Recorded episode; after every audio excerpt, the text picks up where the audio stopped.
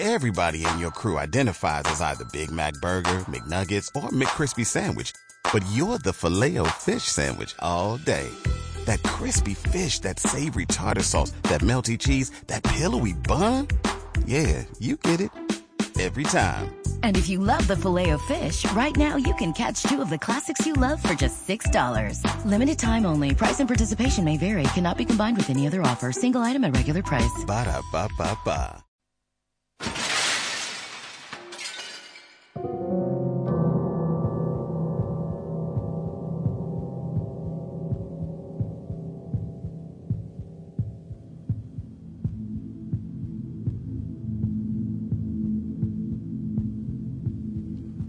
Vine, acompanya'm.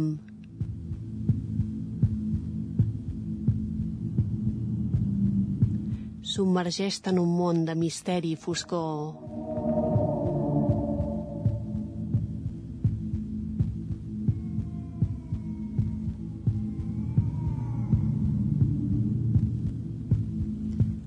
Comparteix aquesta nit amb vampirs, alienígenes, bruixes i esperits.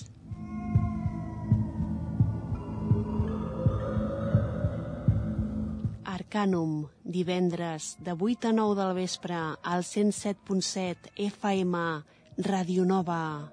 Atreveix-te.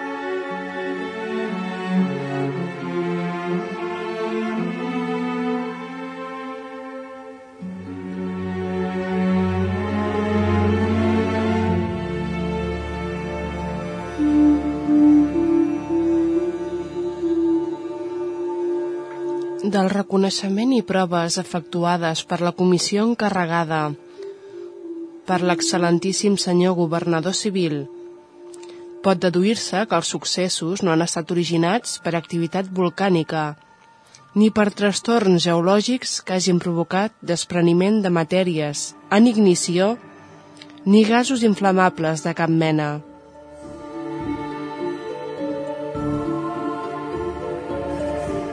L'origen dels incendis no es troba en manifestacions internes ni en la superfície del terreny. Els fenòmens tampoc són provocats per fenòmens elèctrics ni a la ionització de l'atmosfera ni a efectes tèrmics de radiacions solars.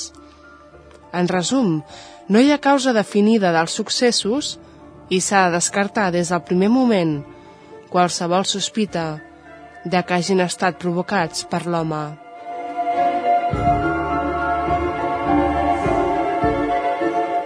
S'ha produït vertader pànic, obligant a la gent a tenir al carrer els seus modestos béns. És d'esperar, vulgui Déu, que el succés no es repeteixi. Almeria, 30 de juny de 1945.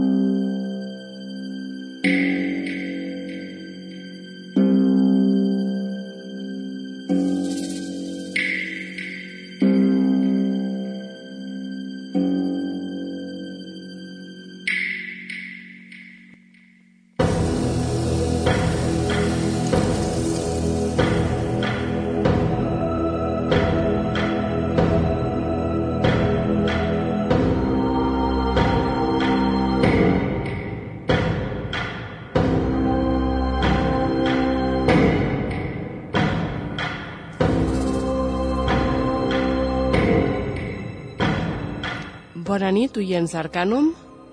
Comencem el programa d'aquesta nit amb l'informe que va fer l'Institut Geogràfic i Catastral, primera secció, Servei del Magnetisme i Electricitat Terrestre. Un text sobre les combustions espontànies de l'Aroia.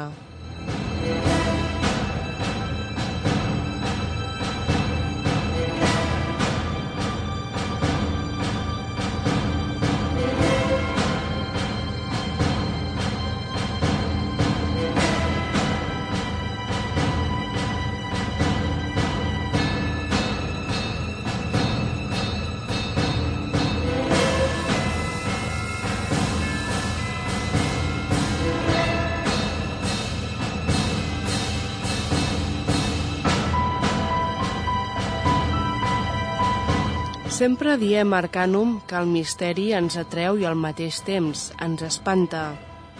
Sentim curiositat i busquem explicacions. Però quan el misteri posa en perill la nostra vida, ens trobem amb un enemic invisible. Al ser desconegut, no sabem com enfrontar-nos als fets, no sabem causes ni sabem solucions.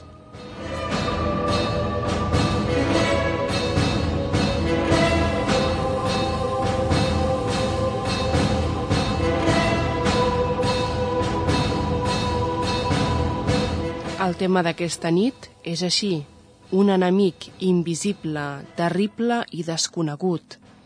La combustió espontània.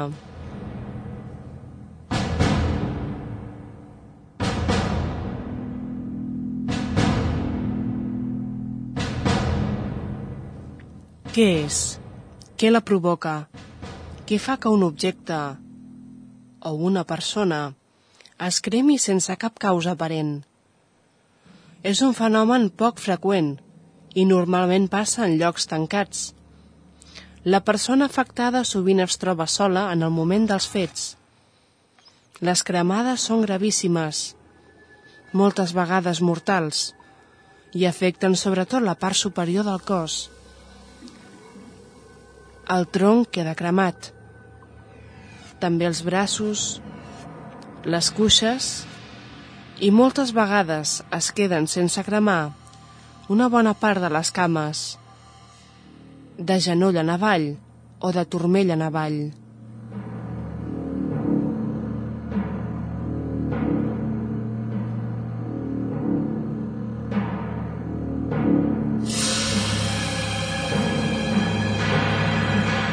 Hi ha bastantes fotos esgarrifoses de víctimes d'aquest fenomen. Es veu un forat al terra o en un sofà, una taca negra, un bon grapat de cendres i una part sense cremar del cos, les cames sobretot, de genoll en avall, intactes i fins i tot amb el calçat al seu lloc.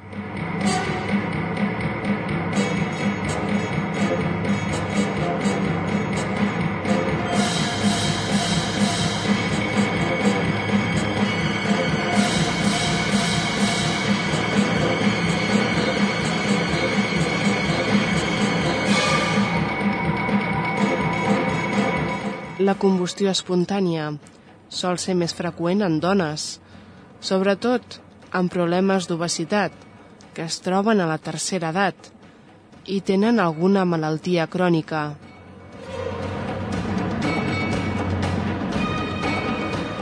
A més a més, en el perfil de víctima, també és corrent que hi hagi algun problema de depressió, discapacitat i solitud.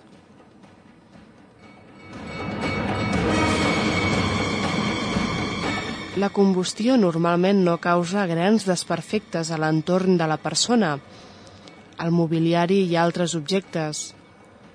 I al retirar les restes humanes, normalment s'hi troba una substància grogosa, viscosa i que desprèn molt mala olor.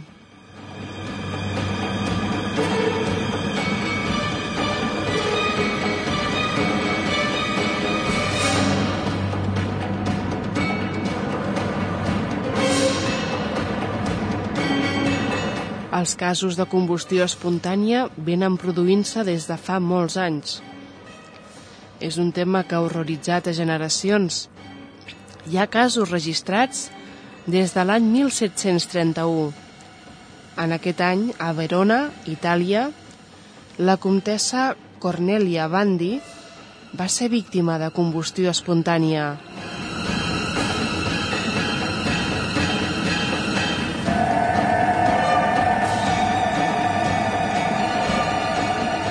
Va començar a cremar-se sense explicació.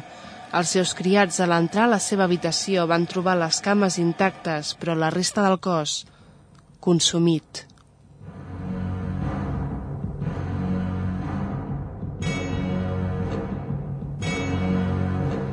Curiosament, els llençols que la cobrien no s'havien cremat. No havien quedat ni els ossos. I en aquella època, òbviament, no hi havia cap causa de tipus errors d'aparells o sistemes elèctrics.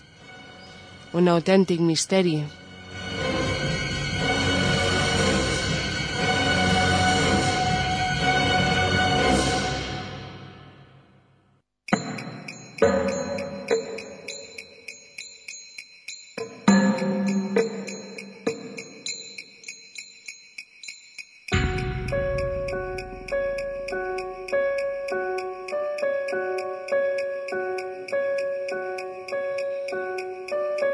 L'any 1841, el British Medical Journal de Londres va parlar de casos de combustió espontània en persones depressives i alcohòliques.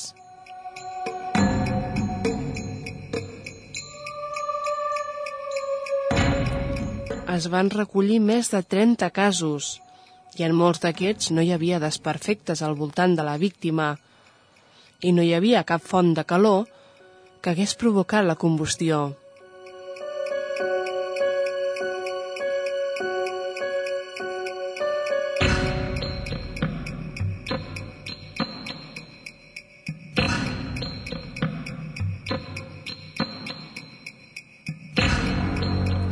Es creia que, tenint en compte aquests punts, l'incendi s'havia produït de dins cap a fora del cos.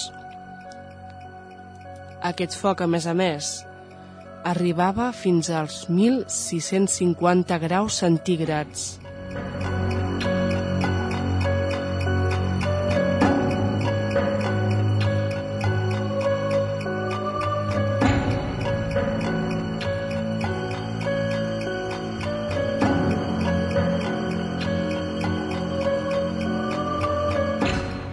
Un cas molt conegut es va produir el 5 de desembre de 1966 a Cowdesport, Pensilvània. La víctima era el doctor J. Irving Bentley. Se'l va trobar al seu lavabo, lloc poc donat a incendis. L'únic que podia haver-se cremat és la cortina de la banyera, però estava intacta. Al terra hi havia un forat, ple de cendres. Només havia quedat un tros de cama, amb la sabata posada.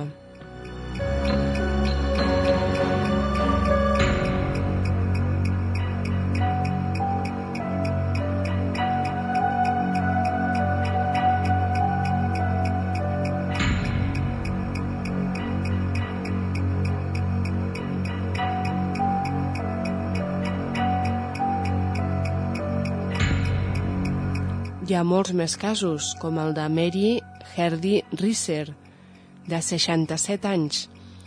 El 2 de juny de 1951, a Florida, Patsy Carpenter va entrar a casa seva per portar-li un telegrama i va trobar un grapat de cendres.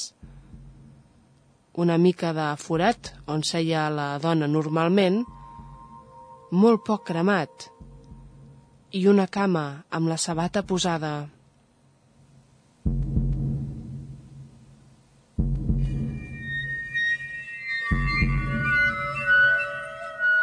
Entre les cendres encara es van poder identificar algunes restes. El fetge, la columna vertebral i el crani reduït com una pilota de tennis.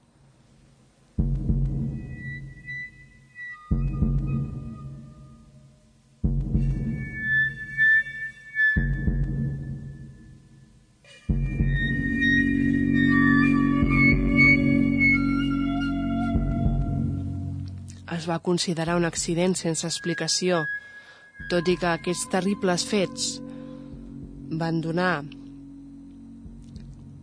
un bon grapat d'hipòtesis. Es va dir que la senyora Riser era fumadora i prenia somnífers molt sovint. Es va dir que es podia haver dormit fumant i acabar cremant-se, però veritablement, en qualsevol cas, s'hauria d'haver despertat mentre es cremava. L'FBI va investigar el cas sense acabar de trobar cap conclusió satisfactòria.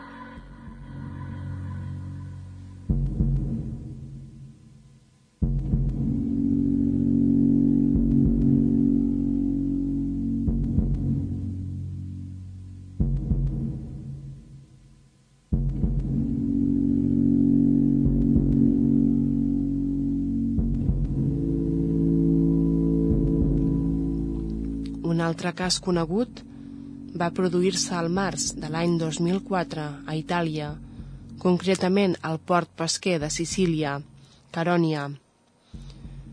En aquesta població, els objectes es cremaven sols, mobles, parets, teles, sense cap causa clara. Bastanta gent de Carònia va ser desallotjada no hi havia manera d'entendre el fenomen, tot i que es va intentar explicar. Es creia que aquests incendis eren provocats per càrregues electrostàtiques que es generaven de manera espontània, sense saber-se com era possible.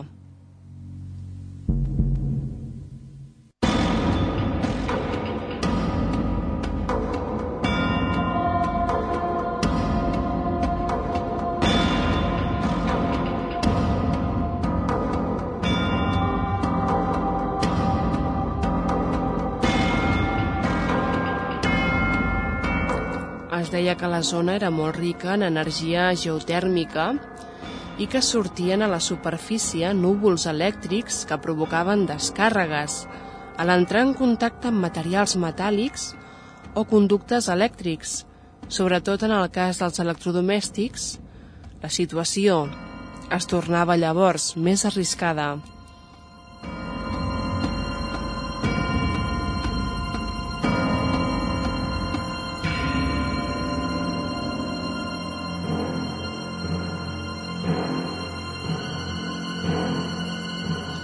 Els incendis van començar a la casa d'un veí, anomenat Nino Petzina. De seguida va demanar ajuda a un electricista. Va fer canviar tota la instal·lació elèctrica de la casa.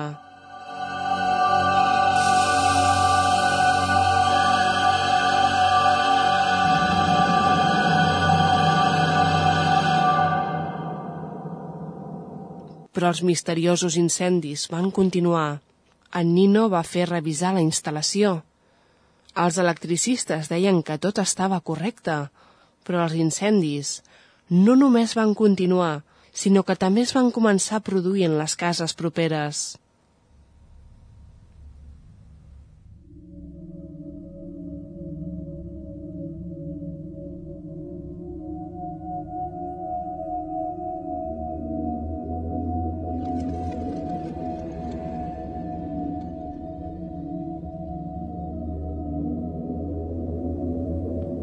Els habitants de Carònia, per salvar les seves cases, van treure al carrer mobiliari i electrodomèstics, que van començar a cremar-se sols.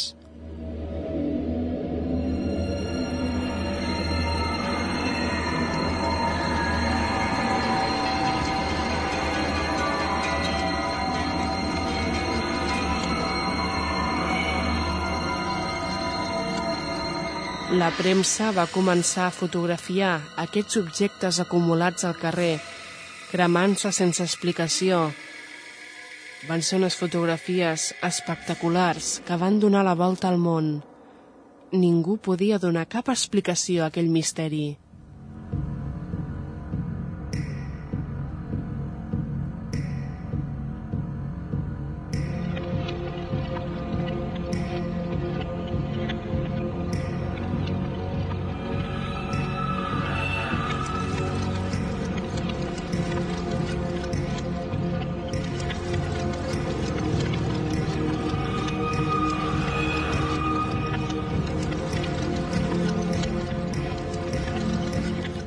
Combustió semblava començar sempre a l'interior de l'objecte i extendre's cap a l'exterior.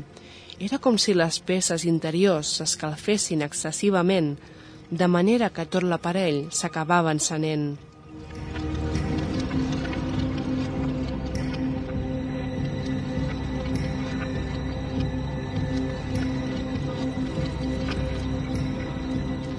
Buscant causes i culpables es va acusar la companyia elèctrica, però aquesta va fer tancar el subministrament i investigar els fets. Per no deixar el poble sense llum, van instal·lar un equip electrogen. Però les combustions se seguien produint.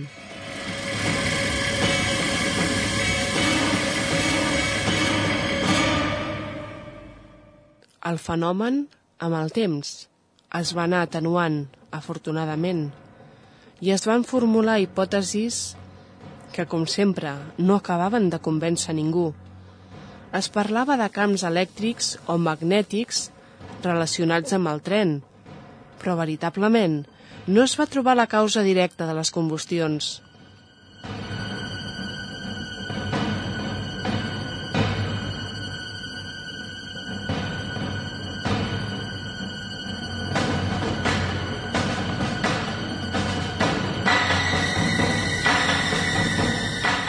Els més supersticiosos i els religiosos parlaven del diable. Era ell qui feia que tot es cremés. I bé, el diable sempre s'ha utilitzat quan algun fenomen no té explicació. Les persones més religioses sempre troben en el diable una causa.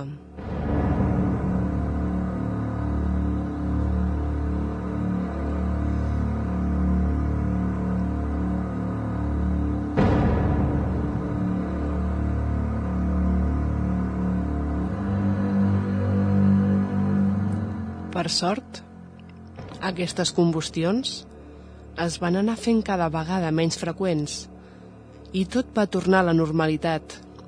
Això sí, sense saber-se mai com va ser possible que tot es cremés.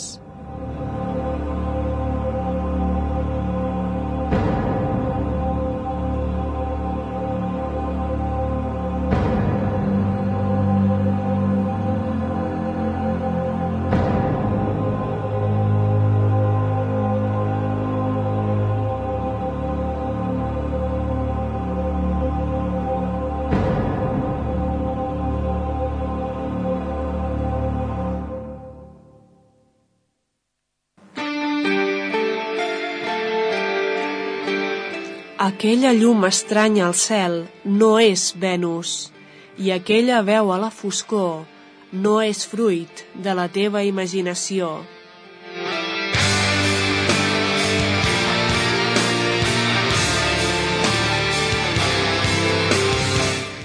Arcanum, el programa de misteri de Ràdio Nova, divendres de 8 a 9 del vespre al 107.7 FM o si ho prefereixes al podcast http dos punts doble barra arcanum.podomatic.com No li tinguis por a allò desconegut.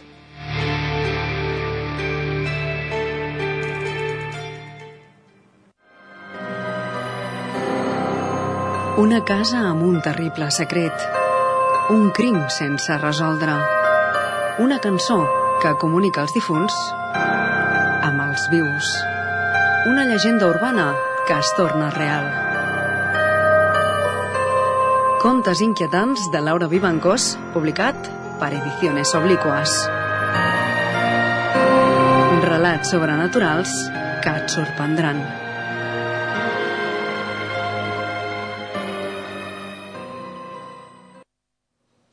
Fem ara una pausa musical abans de continuar amb el tema de la combustió espontània. Hem escoltat ja en altres programes el grup alemany Rammstein. És un grup que avui queda molt bé en el programa, ja que, a part de la força de les seves cançons, són molt bons en directe i no només musicalment, sinó que tenen una posta en escena espectacular, en la que utilitzen pirotècnia. La cançó que escoltarem és un d'aquests espectaculars directes i el títol és ben clar, Feuerfrei, foc lliure.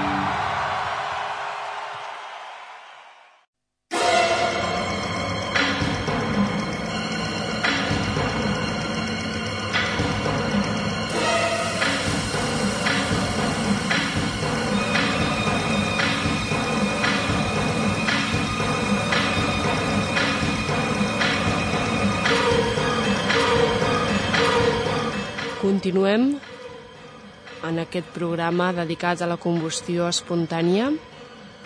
Sense cap mena de dubte, tots els elements són importants i tots poden ser perillosos, sobretot fora de control. Possiblement el foc és el que més ens impressiona i és el que més por ens fa. Imagineu, quan el foc es produeix sense causa aparent, de manera espontània, posant en perill la vida de tots, i a vegades sense saber tampoc com aturar el fenomen.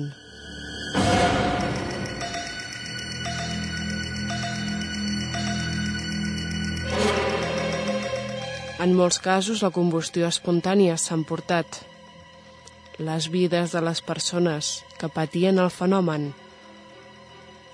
i en alguns casos en què s'ha donat la combustió espontània de manera insistent en alguns indrets, com hem vist a Itàlia, els fenòmens paraven, però paraven per si mateixos.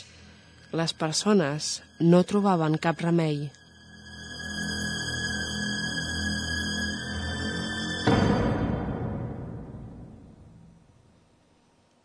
A Espanya també hi ha hagut un cas de combustions espontànies molt sorprenent.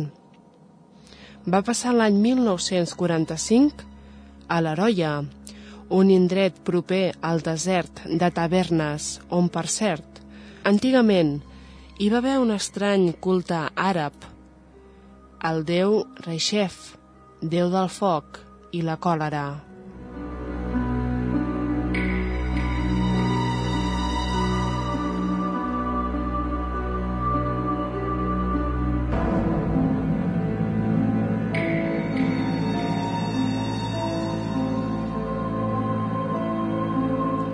Disset membres de l'Institut Cadastral del Servei de Magnetisme i Electricitat Terrestres i de l'Institut Sismològic d'Almeria van anar a l'Aroia per investigar els estranyíssims casos de combustió espontània.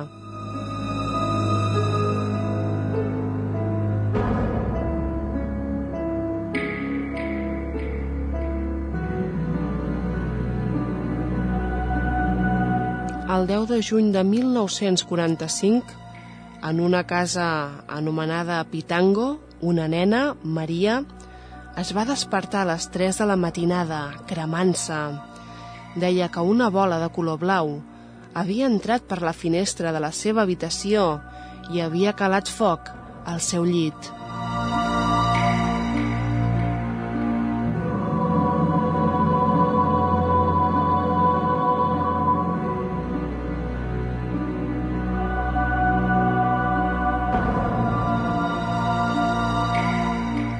Seu germà va dir que, poca estona després, uns quants objectes es van encendre sols, amb algunes flames de color blau molt estranyes.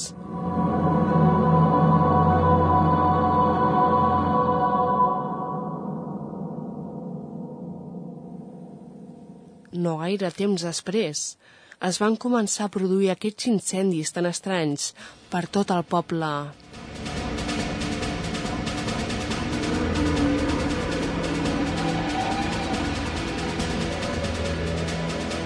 Primer a dues cases properes.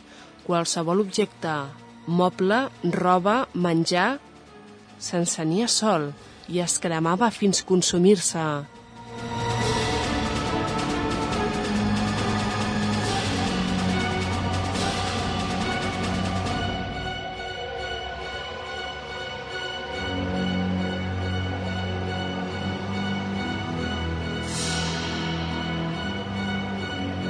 El pànic es va estendre.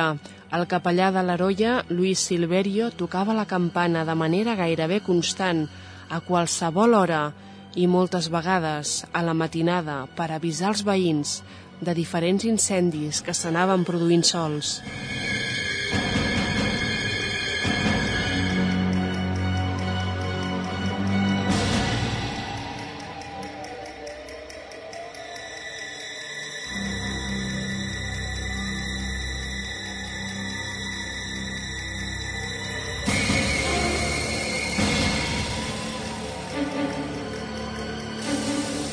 La casa Pitango, on tot havia començat. Tots els membres de la família tenien alguna cremada en alguna part del cos i el poble va començar a sospitar de la nena, Maria, a qui van començar a anomenar la Niña de los Fuegos i fins i tot la van acusar de provocar-los, cosa que no era possible perquè el foc apareixia de manera espontània en diferents llocs, simultanis i moltes vegades lluny d'ella.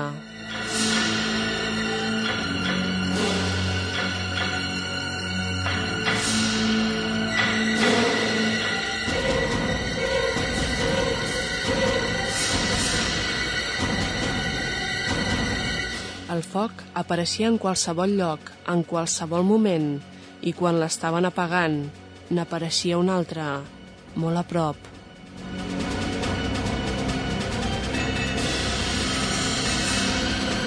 No hi havia descans pels habitants de l'Arolla. Els incendis estaven fent que la seva vida fos cada vegada més difícil.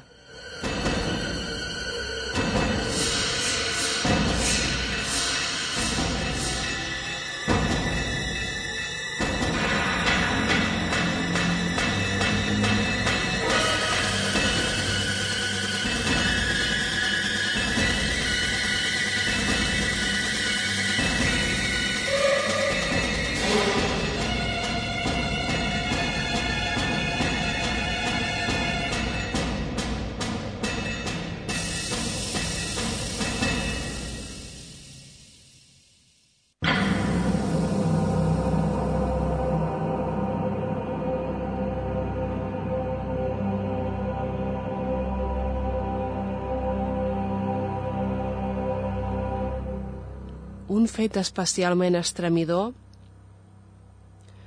és una estranya figura que va aparèixer al cel durant aquells dies d'incendis inexplicables.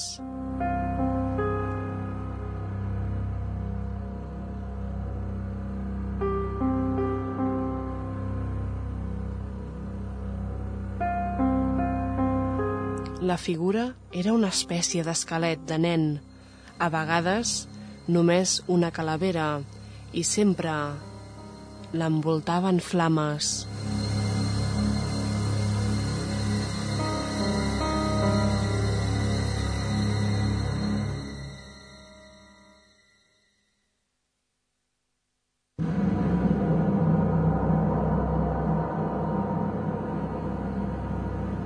La terrorífica figura volava ràpidament pel cel i de sobte apareixia en un altre costat, també volant, però havent pres una altra forma diferent.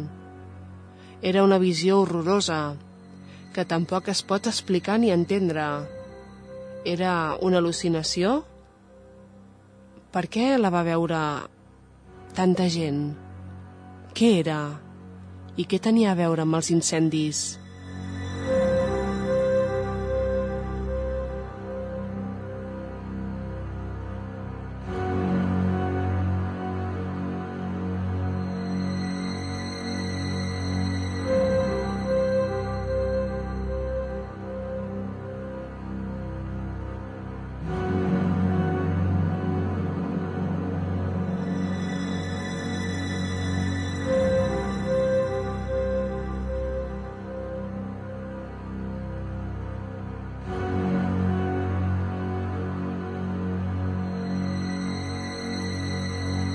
L'equip que va anar a Almeria a investigar van posar a Piedres Negres tots els seus aparells per investigar el cas. I els aparells van començar a cremar-se sols.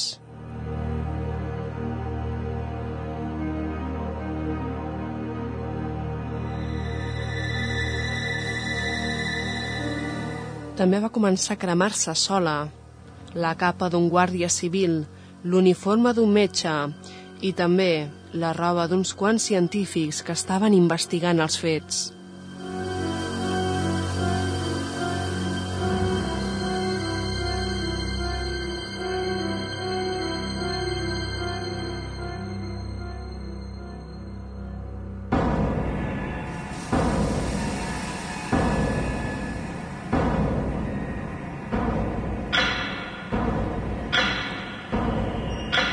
Investigació es va acabar abandonant sense haver descobert absolutament res.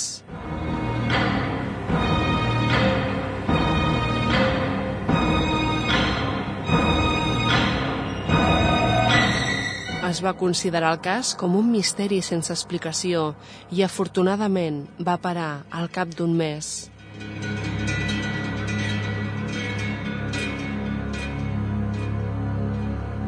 Es van redactar informes explicant el cas, però sense arribar a trobar cap causa.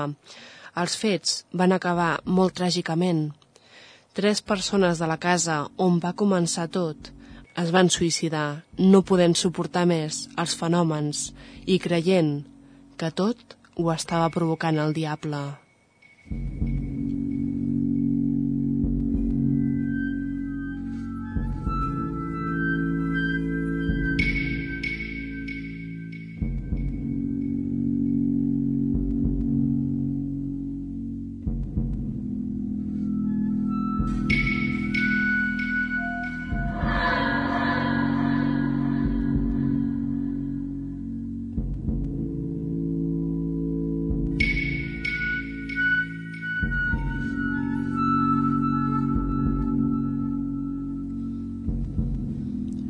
Galícia, l'any 1976, també hi van haver casos de combustió espontània.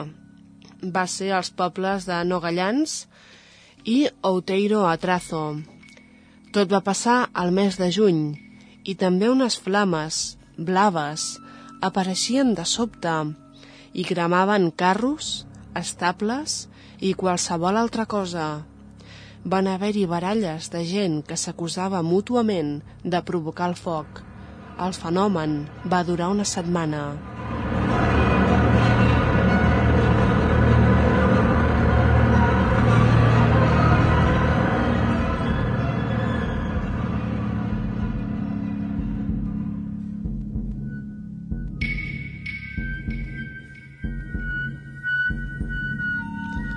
Un altre cas va produir-se l'any 1996 a la Corunya, concretament a Sillobre el 26 d'abril.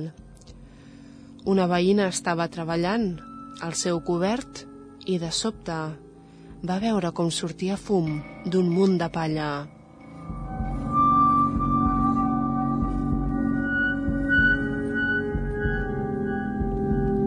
En poc temps, unes grans flames van incendiar el cobert. Els veïns van córrer per apagar el foc i netejar després les restes que havien quedat. Va ser llavors quan van veure com anaven apareixent petits incendis per tot arreu, en qualsevol racó i de manera totalment espontània.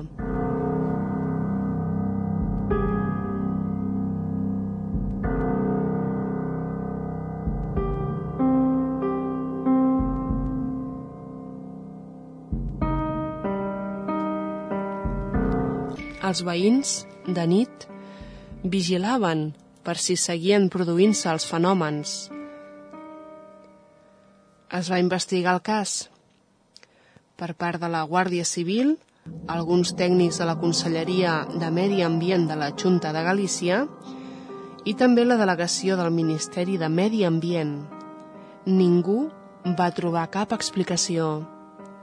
El fenomen, com havia vingut, també va desaparèixer, com sol passar en aquests fets.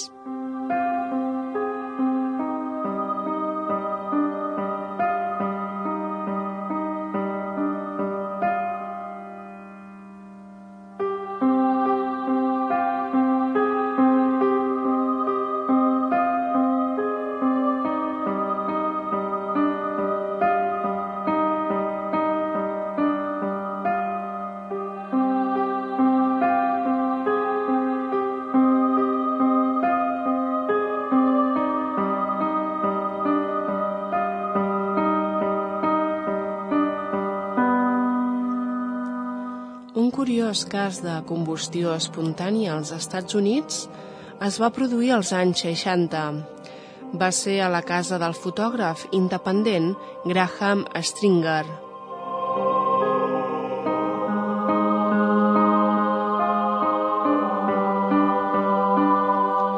El context era especialment misteriós, ja que es tractava d'un poltergeist, que ell i la seva dona van anomenar Larry pel seu fill Steven, de 4 anys, que sempre estava preguntant pel fenomen.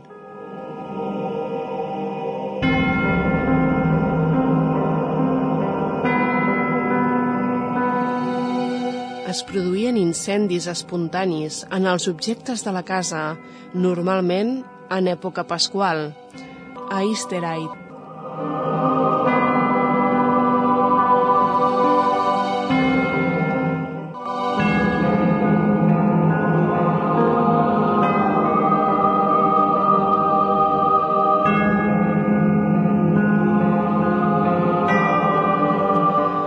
Aquest cas angoixant va durar gairebé 4 anys.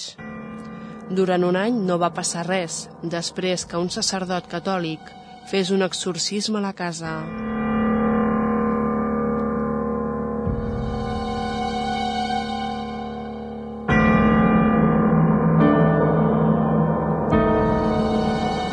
Però després, els fenòmens van tornar a produir-se.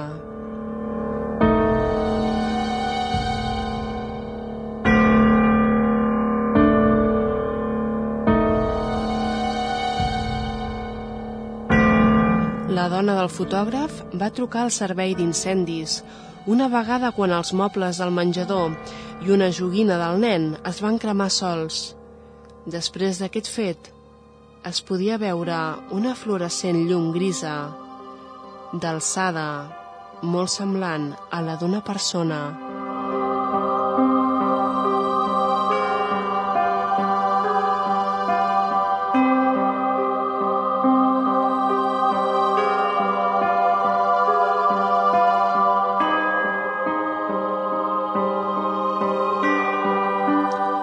Scotland Yard va investigar sense èxit els fets.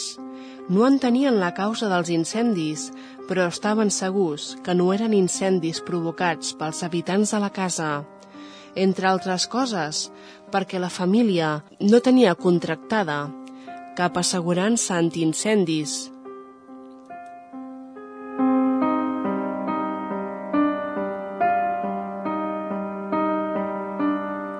En qualsevol cas, la família creia que era un esperit qui provocava aquells incendis.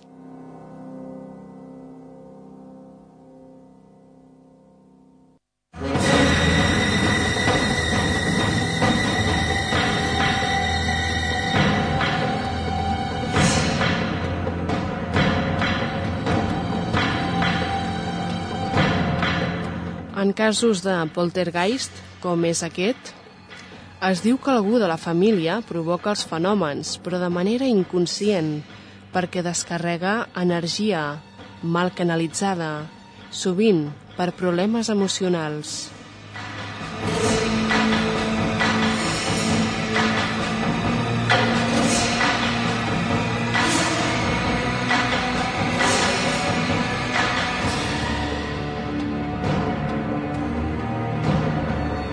Ja ho veieu, la combustió espontània es dona en persones i en objectes.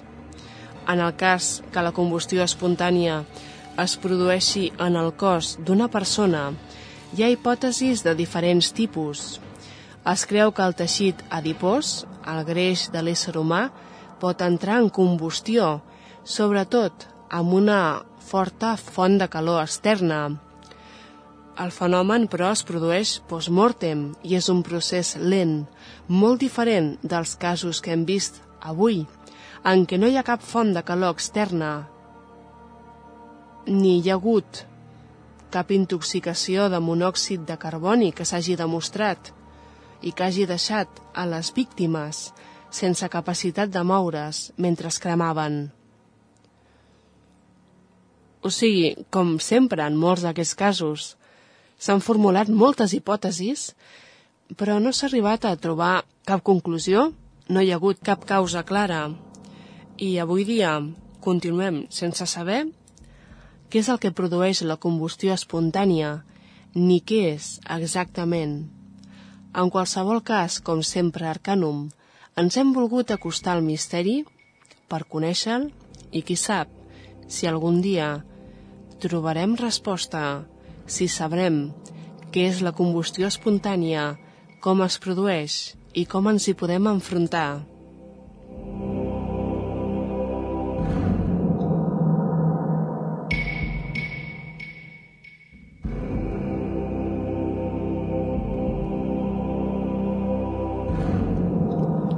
Fins aquí el programa d'aquesta nit. Com sempre, moltes gràcies per haver estat aquí.